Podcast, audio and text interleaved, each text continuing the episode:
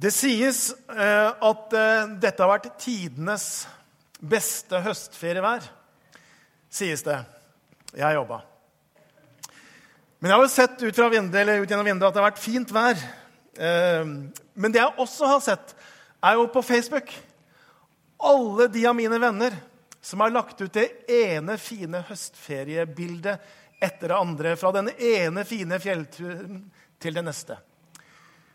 Så jeg har tenkt hm, Hvorfor gjør de det der? Jeg, jeg tenker at Det er ikke bare for å misunne meg, selv om eh, i mine mørke stunder på kontoret så kan jeg tenke litt sånn. At det er bare derfor. Men jeg tror ikke det er bare derfor. Jeg tror egentlig heller ikke at det er for å skryte. For å skryte av fint vær er liksom ikke så veldig mye å skryte av. Hva er det for noe? Jeg tror det er noe i oss er det ikke det, som gjør at når vi har opplevd noe som er bare så utrolig fantastisk, når vi har opplevd noe som er liksom kjempefint, som er det beste, ja, så har vi lyst til å dele det. Det er på en måte noe som ligger naturlig i oss. En fin høstdag på fjellet. ikke sant? En fjellørret på over kiloen. Et brudepar som det bare lyser av. Vår kjære. Eller barn eller barnebarn som tar de første stegene. Og så har vi lyst til å dele det. Vi har lyst til å fortelle det, vi har lyst til å vise bildene, og vi har lyst til å kanskje legge det ut på Facebook. Jeg tror det er derfor det ligger der. Jeg har kommet til det, ikke bare for å misunne meg. Men det har vært fint vær, det har jeg skjønt. Vi snakker om i denne, eh, disse søndagene her om at det beste er til for å deles. Det er liksom det vi setter fokus på. I denne sammenhengen her, hva er det beste? Ja, Det er ikke en høsttur eller en kilos ørret, men det beste i denne konteksten, det er Jesus Kristus. For vi som har lært han å kjenne, vi som tror på han, vi vil mange av oss kunne si at det er det beste som har skjedd oss. Det er det beste i våre liv. Det er han som gir livet mening, farge, håp, trygghet. Ja, han betyr alt for oss, det vil vi si. Og Det som på en måte følger naturlig, er det. Det er også det naturlige er et slags ønske, et behov for å dele det. Du har sikkert møtt noen sånne nyfrelste. Eller kanskje du har vært en sånn nyfrelst som liksom overalt, både hvor det passa og hvor det ikke passa, snakka om Jesus, om det nye livet, om frelsen og alt hva det betydde. Ikke sant? Og så gjør man jo ikke det fordi at noen har sagt at sånn bør det være når man er nyfrelst. Nei, det er liksom ingen bare som har fortalt at sånn bør det ikke være. Og så på en måte kommer det naturlig opp.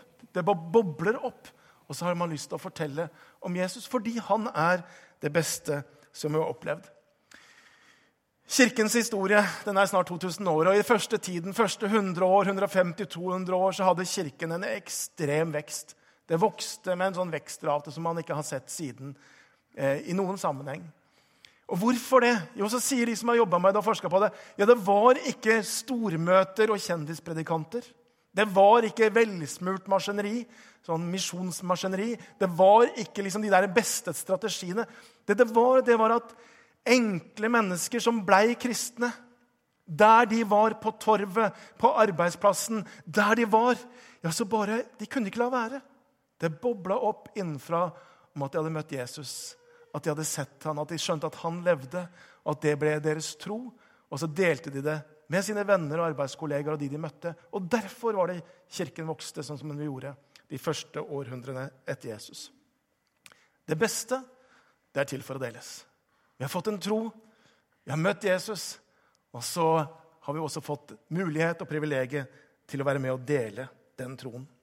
Vi skal lese en tekst i dag fra Romerbrevet som handler noe om dette. Romerbrevet kapittel 10, fra vers 10 til og med vers 15. Med hjertet tror vi så vi blir rettferdige. Med munnen bekjenner vi så vi blir frelst. Skriften sier Ingen som tror på ham, skal bli til skamme. For her er det ikke forskjell på jøde og greker. Alle har samme Herre, og han er rik nok for alle som påkaller ham. Hver den som påkaller Herrens navn, skal bli frelst. Men hvordan kan de påkalle en de ikke tror på? Hvordan kan de tro på en de ikke har hørt om? Og hvordan kan de høre uten at noen forkynner? Og hvordan kan de forkynne hvis de ikke er utsendt? Det står skrevet hvor vakre de er, føttene til den som bringer godt budskap. Det var Herrens ord. Og Så kan vi be nå om at Herrens ånd skal åpenbare det for oss.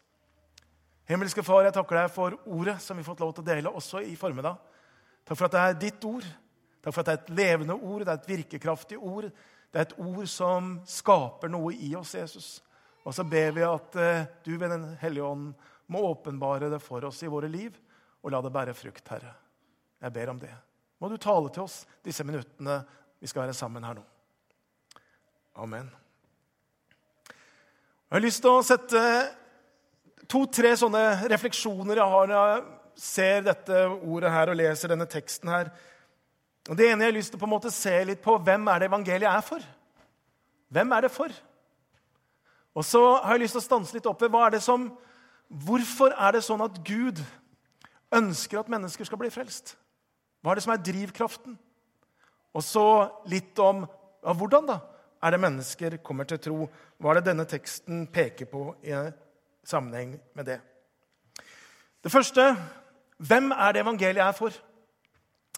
Eh, den kristne kirke den eh, kan jo fra tid til annen bli anklaga for å være litt smalspora, for å være for den litt smale, eksklusive forsamlingen.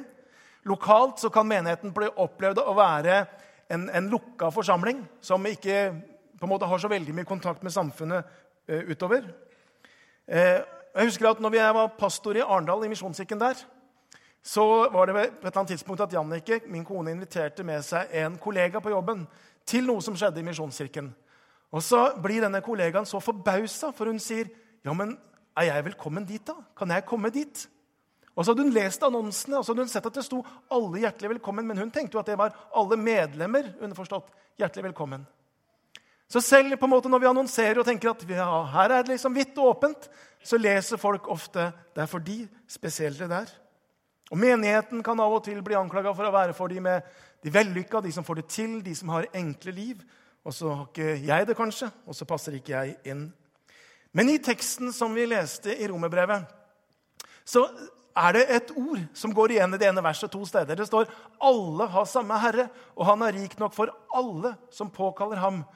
Og Mitt spørsmål har jo da vært innenfor dette Hvem er disse alle? Altså, Hva betyr ordet 'alle'? Jeg har sjekka gresken. Jeg har lest etmologisk ordbok på det og kommet til det sjokkerende fakta at alle betyr Hva tror dere? Alle. Ikke sant? Det er jo det som dette verset setter fokus på. Evangeliet er faktisk for alle. Alle mennesker. Og I Timoteus brev, Paulus brev til Timoteus så står det han som vil at alle mennesker skal bli frelst og lære sannheten å kjenne. Så alle i denne konteksten som Paulus snakker om, det handler om jøder og grekere. Det handler om slaver og fri, kvinner og menn. Det er for alle. Og i vår kontekst, hva handler det om? Ja, vi, ikke, vi, har jo sånne mennesker som vi tenker oi, de er veldig annerledes enn meg. De tenker helt annerledes, de lever helt annerledes. Jeg tipper at evangeliet ikke er noe for dem. Og så ansvarliggjør denne teksten egentlig også og sier Nei, vi skal ikke tenke sånn. Vi skal ikke tenke sånn. For evangeliet er for alle. For hvert eneste menneske. Og jeg syns det er ganske både flott og stilig at Guds menighet fra aller første dag, pinse i år 33, så har det vært en kirke, og evangeliet har henvendt seg til virkelig alle. Til alle folkeslag. Eh, på pinsedag, år 33, Peter og de andre er der og finkjenner og hvem er i forsamlingen? Hvem er på, eh, på Jerusalems torg? Hvem er det som er der? Jo, det står følgende i Apostelens gjerninger kapittel 2. Vi er partere og medere og elemitter, folk som bor i Mesopotamia, Judea og Kappedokia, i Pontus og Asia, Frygia og Pamphylia i Egypt, i Egypt, i Libaområdet mot Kyrene, og innflyttere fra Rom, jøder og proselytter, kretere og arabere og vi hører dem tale om Guds storverk på vårt eget tungemål. Og så var det dette som var på en måte forsamlingen på pinsedag. Og Det er jo ikke tilfeldig tenker jeg, at det ramses opp alle disse raser, kulturer og land for mennesker kom fra. Det var for å understreke evangeliet er for alle. Det er for alle.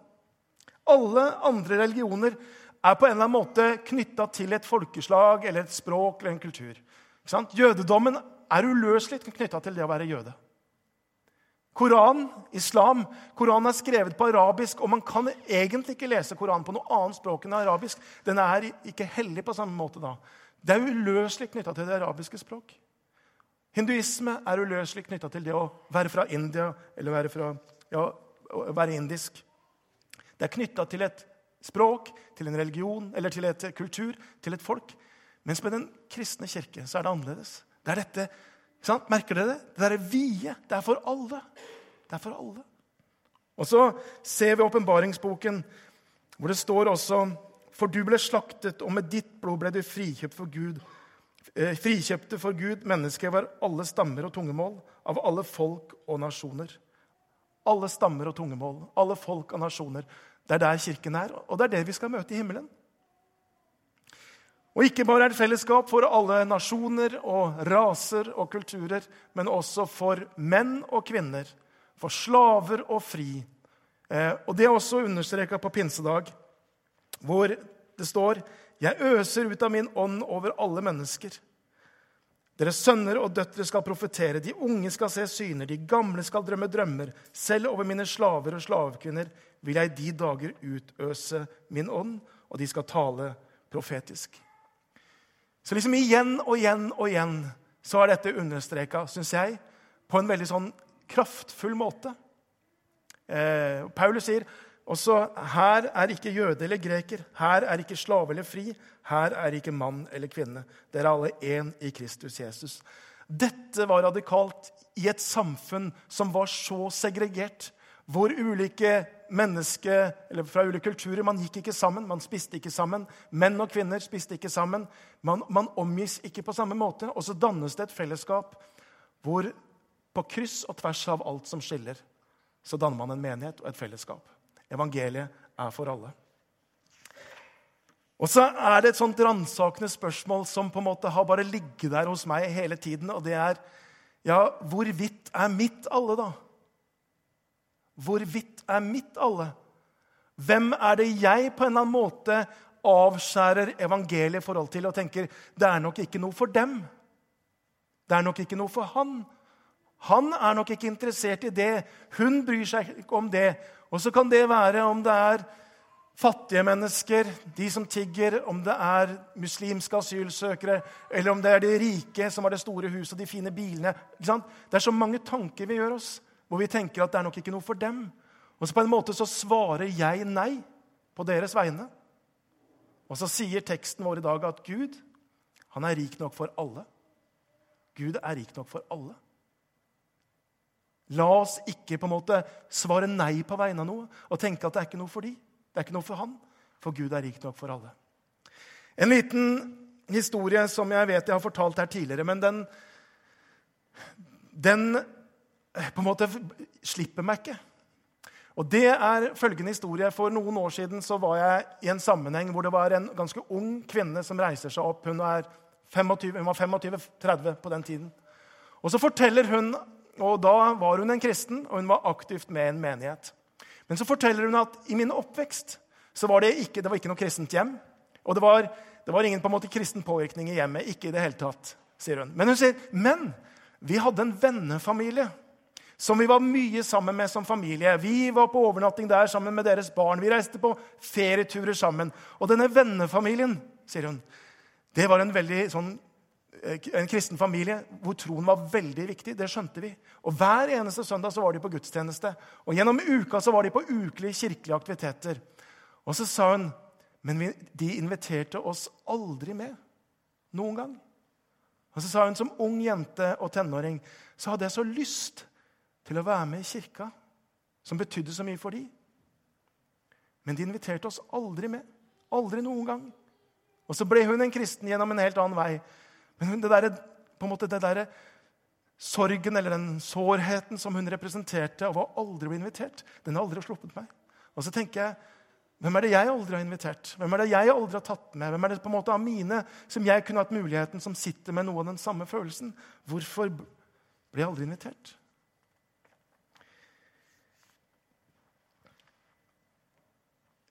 Han er rik nok for alle, står det. Hva er det Gud ønsker? Hva er det Gud vil? Hvorfor er det Gud vil på en måte ha tak i alle mennesker? Jo, for å vise sin rikdom. For å utøse over det mennesket sin nåde, sin kjærlighet, sin farskjærlighet over det mennesket. Derfor er det på en måte Gud strekker seg ut til alle disse menneskene. Syndefallet som vi kan lese om i Første Mosebok, kapittel 3, hvor vi kan på en måte lese om hvordan mennesket etter å ha synda kastes ut av Edens hage. Men det er noe annet som skjer også, og det er at Guds hjerte det knuses. Guds hjerte det knuses der når mennesket velger å vende seg bort fra han og gå sin egen vei. Det er som en pappa og barna vender seg bort eller ikke sant? vil ikke ha noe mer med han å gjøre. Det er det knuste Guds hjerte vi møter der. Og et av de, et av de såreste versene i hele Bibelen synes jeg, det er det som står i 1. Mosebok kapittel 3, vers 8 og 9. Og hvor det står Da hørte de lyden av Herren Gud som vandret omkring i hagen i den svale kveldsprisen. For sånn var det det pleide å være. Gud kom ned, og så vandra han sammen med mennesket i den svale kveldsprisen. Tenk hvilket fellesskap det må ha vært. Tenk å kunne vandre sammen med Gud der i hagen.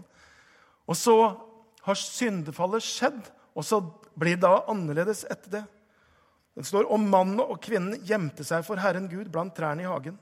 Men Herren Gud ropte på mannen og sa, 'Hvor er du?' Hvor er du? Og Det er dette ropet her, 'Hvor er du?'-ropet fra Gud, som jeg tenker det er noe av det såreste. Noe av det vondeste. Mennesket har vendt seg bort fra han, og så står Gud der, og så roper han, 'Hvor er du?' Og så er det på mange måter Guds primalskrik. Det er den far hvor barna har blitt borte. Det er den kjæreste som har på en måte opplevd at ekte, kjæresten farer fra. Det er den knuste hjertets Gud som står der og roper på ethvert menneske. Hvor er du? Hvor er du? Så sier vi ofte det at Gud, eller at mennesket har en iboende gudslengsel. Vi lengter etter Gud, og det er, det er det. Og Samtidig så er det ingenting som slår Guds lengsel etter mennesket. Gud som lengter, begjærer mennesket og vil ha tak i det igjen. Og Det er dette knuste Guds hjerte som er utgangspunkt også for at vi kan invitere mennesker inn. I Lukas 15 så finnes det tre lignelser. Og Alle sammen handler om noe av det samme. Det handler egentlig om Guds knuste hjerte. Tre lignelser om noe som har kommet bort, men som blir funnet. Om den ene sauen som går bort ifra de andre, og hyrden som forlater de 99 for å finne den ene.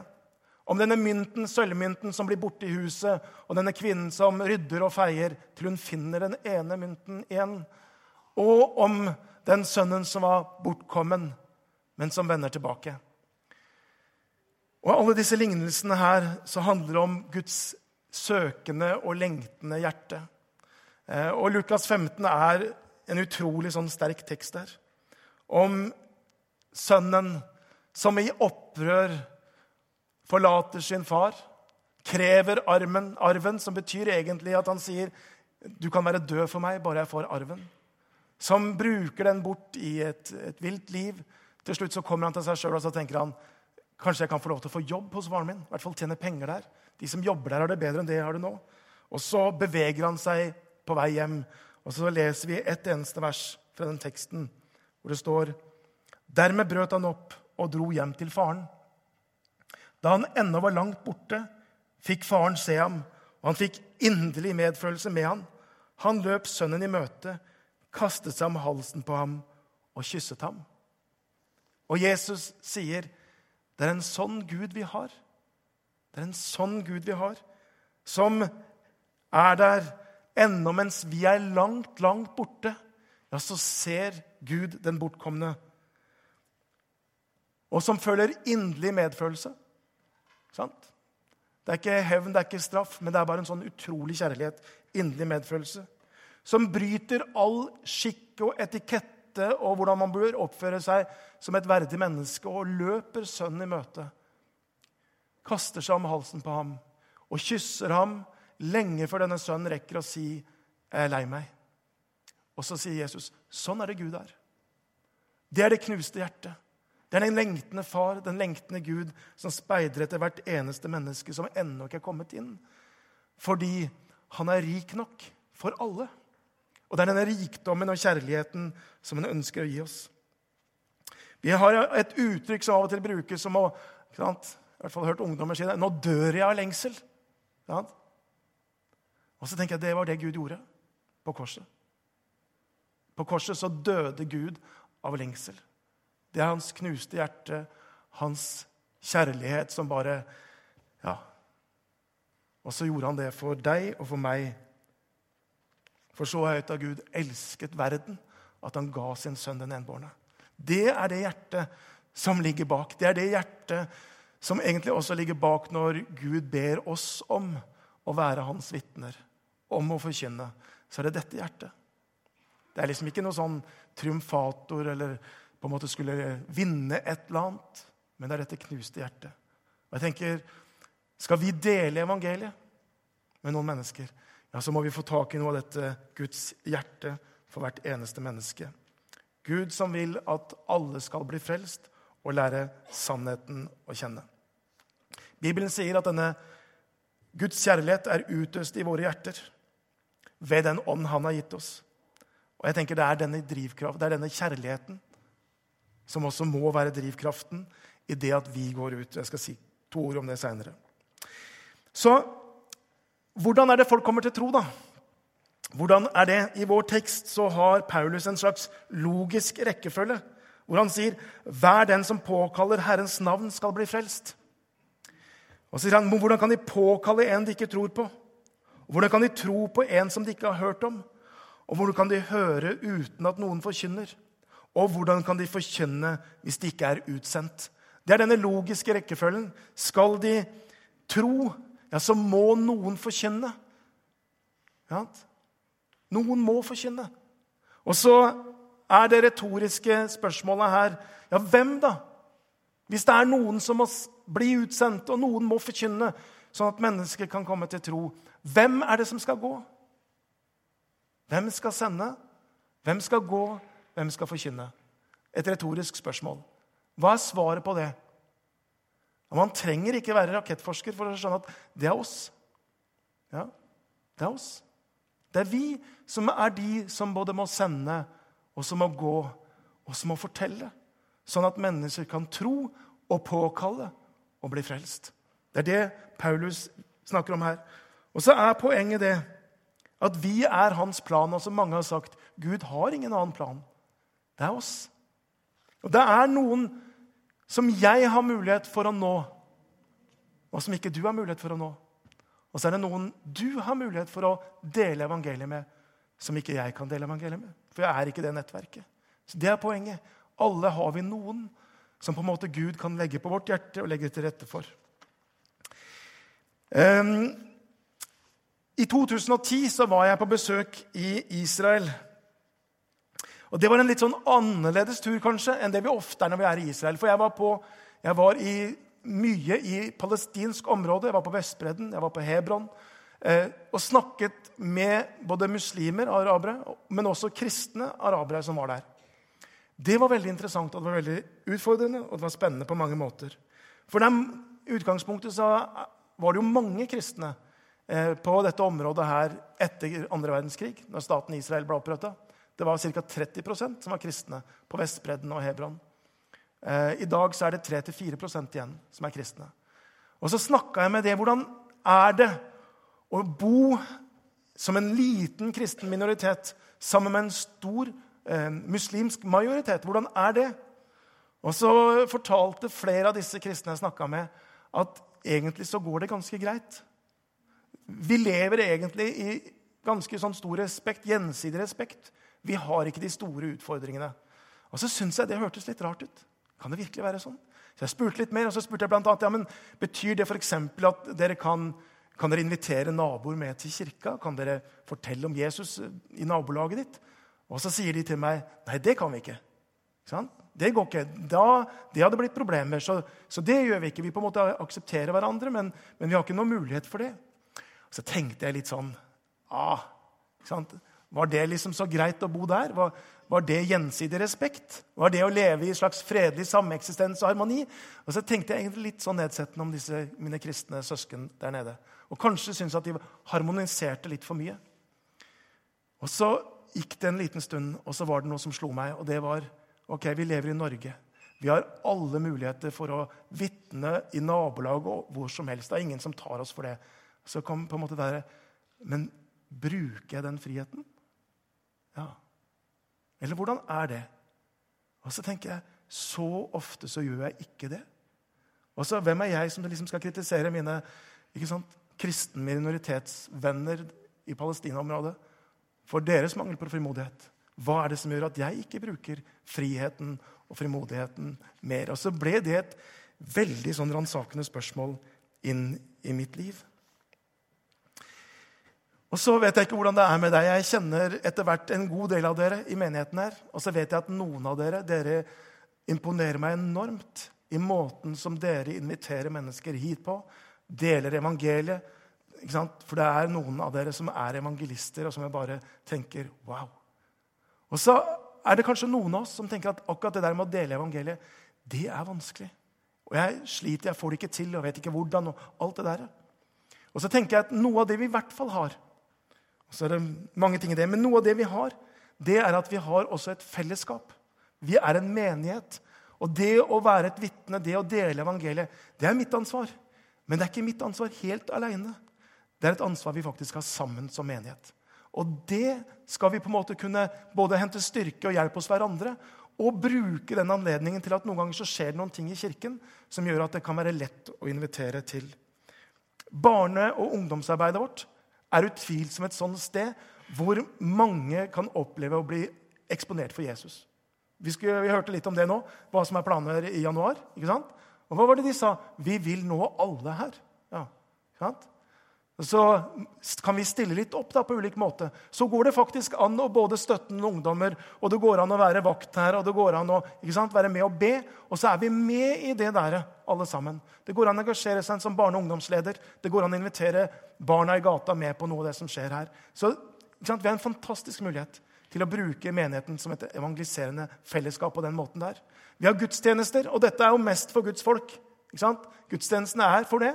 Og Samtidig så er det en åpen gudstjeneste, og her mener vi at vi ønsker det skal være lett å ta med en venn. Det ønsker det skal være lett å ta med også de som ikke har en tro, men som kanskje er nysgjerrige. Sånn ønsker vi at vår gudstjeneste skal være. Eh, vi har alfakurs hver høst. Vi er midtveis i et alfakurs nå. Det er kjempespennende å møte mennesker som er på ulikt sted i forhold til tro. Vi har nærfellesskapsgrupper, små fellesskap. Vi har ca. 20 sånne små fellesskap. Eh, Eh, ca. 200 til sammen som er med det i menigheten. Der går det an både å hjelpe hverandre til dette, ansvarliggjøre hverandre, be for hverandre. Og Der kan man også invitere mennesker inn. og så kan Det være inngangsporten til både til Guds rike og til menighet. Og Denne høsten her så har vi i hvert fall to sånne jeg tenker, viktige ting som gjør at det er, hvor det er lett å invitere med seg mennesker. Og Hvorfor gjør vi det? Jo, fordi vi tenker vi er et evangeliserende fellesskap. Og dette, måte, dette, kan vi stå sammen om. Det at mennesker skal få lov til å møte Jesus. Så vi skal ha GLS om ikke så veldig lenge. I eh, begynnelsen av november. Og det er et veldig flott sted å invitere med seg mennesker som f.eks. er interessert i ledelse. Dette skal handle om, mye om lederskap. En, en lederkonferanse. Lav terskel, bra undervisning. Men de blir også de er i hvert fall i kirka her. Og kanskje også de blir eksponert noe for det som vi tror på her. Selv om den er ganske brei, denne lederkonferansen. Noe annet som skal skje denne høsten, her, er at vi skal ha advent i Misjonskirken også eh, i desember. Eller i adventstida. Vi skal ha spennende gjester. Egil Svartdal han kommer første søndag i advent. Eh, han, vel, han kjenner vi vel alle. Charlotte Rørt er ikke så kjent, men en veldig spennende gjest. Dansk journalist som var ateist, men som eh, møter Jesus i en kirke i Frankrike hvor hun er på ferie. Og har et møte med han, ansikt til ansikt, som forandrer hele hennes liv. Eh, hun kommer og forteller om det. Jan Kjosavik, eh, barne- og familiepastor i Philadelphia, det han skal komme her og fortelle, er egentlig om hans, noe av det han står i i forhold til mm, innvandrerarbeid, som han har opplevd veldig mye spennende i. Og Hvorfor nevner jeg dette? Jo, for jeg sier Noen ganger så kan den enkleste måten å dele evangeliet på, det er å si 'Har du lyst til å bli med?' Er det ålreit om jeg spør deg med til kirka en dag? Og så er det noen sånne ting som skjer, som vi, hvor vi ønsker at det skal være lett å ta med noen.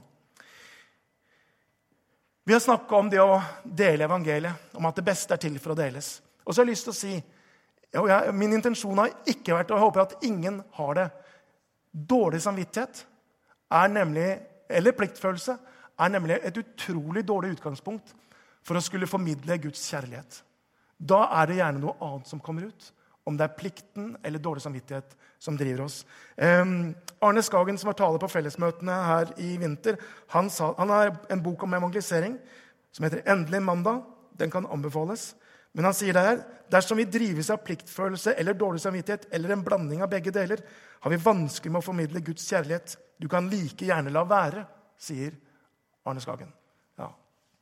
Da er det ofte noe annet som kommer ut. Men la det være en påminning, en oppmuntring. Eh, la Gud få lov til å tale inn i ditt hjerte, og la det starte der. Eh, la Gud få lov til å vise deg sitt knuste hjerte for menneskene i gata der du bor, for de som er på den jobben hvor du er. La han vise deg sitt knuste hjerte og hvordan han lengter etter nettopp de. Be Gud om at han må vekke deg hvis du trenger det, inn i dette. Be Gud om at han skal legge noen på ditt hjerte som kanskje du på en spesiell måte har en mulighet for å nå inn til. Be om å få noen gode anledninger der du kan dele ditt vitnesbyrd eller invitere med. Be om visdom, sånn at du kan få lov til å være med og formidle hans kjærlighet til mennesker omkring oss. For det er det det handler om. Så vi avslutter der, og så har jeg bare lyst til å be. Og så skal du være med i det. Og så blir det tid for respons etterpå, både med bønnekrukker og med eh, bønnerom, med lysglobe. Men kan vi være litt i stillhet og litt i bønn nå? Og så kan Gud få lov til å tale inn i ditt hjerte. Kanskje er det noen han ønsker å minne deg på allerede her nå. Vi ber. Kjære Jesus, jeg har bare lyst til å be. Jeg ber at vi skal virkelig få tak i ditt hjerte for mennesker omkring oss. At vi skal få tak i den enorme kjærligheten og lengselen som du har til hvert eneste menneske, uansett hva vi måtte tenke om dem. Jeg ber at du skal fylle oss, at du skal utøse din kjærlighet i våre hjerter ved Den hellige ånd. Jeg ber at du skal fylle oss med din kjærlighet.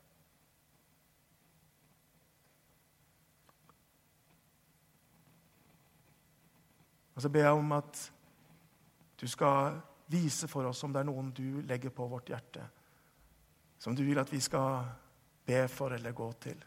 Og så ber jeg at du skal legge ting til rette. Jeg ber, kjære Jesus, at du med din ånd at du skal lede oss eh, i det å kunne få lov til å dele det beste i våre liv. Jesus Kristus. Amen.